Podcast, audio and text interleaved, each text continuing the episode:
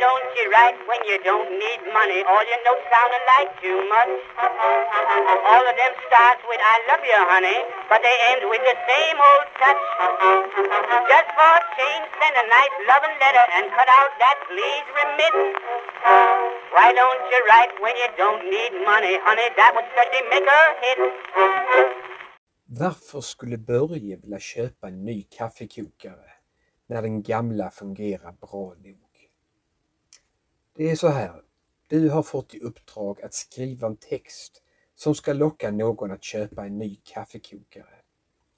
Kaffekokaren är makalöst avancerad och speciell. Den kan koka kaffe på 15 olika sätt och spela olika melodier när kaffet är klart och den tackar dig så fint när du har druckit upp din kopp. Den är dessutom vacker att se på och har fått väldigt bra recensioner. Problemet är bara att du ska försöka sälja denna kaffekokare till Börje. Och Börje har redan en kaffekokare. Den köpte han på Domus 1987 och den funkar fan i mig lika bra nu som när han köpte den. Ibland kalkar den igen men då kör man bara två rundor kalkrengöring så är den finemang igen. Så varför skulle Börje lägga en massa pengar på en ny kaffekokare när han har en alldeles utmärkt hemma? Det är frågan. Och när man ska försöka besvara den frågan så använder man begreppet pain point. Det vill säga, var finns kundens smärta?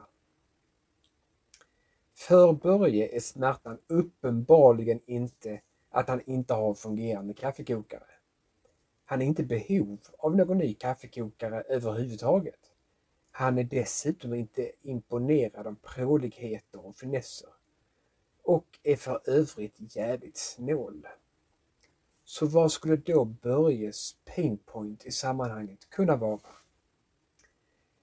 Nu fabulerar jag fritt här för att ge ett exempel. Men det skulle kunna se ut så här. Börjes fru Gertrud tycker Börje är en jävla tråkmåns. Och inte bara det. Hon tycker också att han är snål och oromantisk babian som inte gör något för att hålla relationen vid liv. De har varit gifta sedan 1988 så deras relation är nästan lika gammal som Börjes relation med sin kaffekokare. Men nu börjar Gertrud få nog.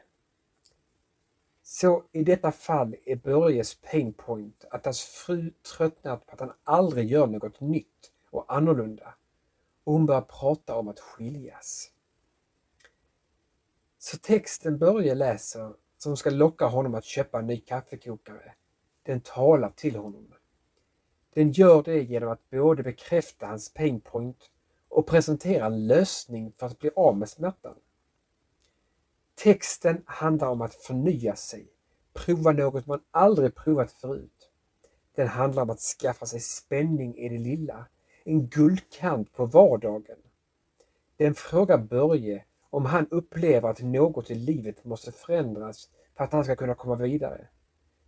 Texten frågar honom om han känner sig redo att ta sig an en ny och helt spektakulär kaffekokare. Och ja, Börje är redo för det. Han behöver förändra något. Förändringar är svåra för honom och han skulle inte klara av något stort. Men en ny kaffekokare, en dyr och väldigt speciell kaffekokare, något som visar Gertrud att han visst kan ändra sig. Åtminstone lite. Åtminstone mycket nog så att hon stannar kvar hos honom. Ja, denna kaffekokare är precis vad Börje behöver.